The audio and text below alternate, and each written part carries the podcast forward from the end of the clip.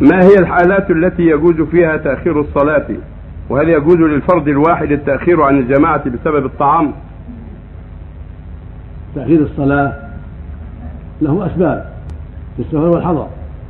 في الحضر إذا كان هناك أسباب لأهل المسجد يشتد مثلا بهم المطر وأرادوا أن يؤخروا حتى يخرجوا يصلوا المسجد أخروا عليه المطر أو لمرض أصابهم فأخروا أو ما أشبه ذلك أو الانتظار لجماعة العشاء الذي كان إذا حضروا عجلها وإذا تأخروا أخرها على العشاء إذا أخروها لحضور الباقين أو لجنازة تحضر حتى يصلى عليها لئلا يتعطل الصلاة تتعطل الصلاة عليها أو ما أشبه ذلك من الأعذار الشرعية والمقاصد الشرعية.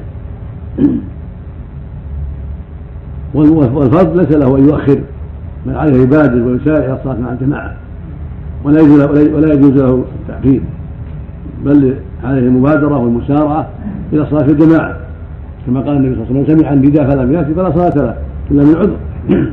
وقال ابن رضي الله عنه لقد رأيتنا وما يتخلف عنه إلا منافق معلوم النفاق نعوذ بالله. ولما استأذن له الأعمى عليه الصلاة والسلام قال ليس لي قائد إلا أن يمسي فهل من رخصة فنصلي في بيتي؟ قال هل تسمع النداء بالصلاة قال نعم. قال فأجب فلم يرخص الأعمى الذي ليس له قائد يلائمه بل أمره أن يحضر في الجماعة ويؤدي الصلاة في الجماعة لكن لو أقيمت الصلاة أو حضرت الصلاة وقد قدم طعامه وحضر طعامه يبدأ به. النبي عليه الصلاة والسلام قال لا صلاة بحضر الطعام. فإذا حضر الطعام يبدأ به ولو فاتته الجماعة. لكن لا يتخذ هذا عادة. إذا جاء الصلاة قال أعطنا. لا هذا لا يجوز.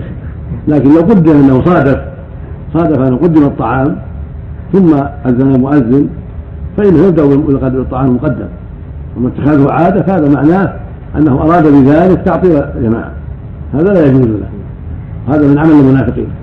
لكن متى صادف قدم الطعام أو أو جاء والطعام مقدم فهذا يبدأ به. نعم.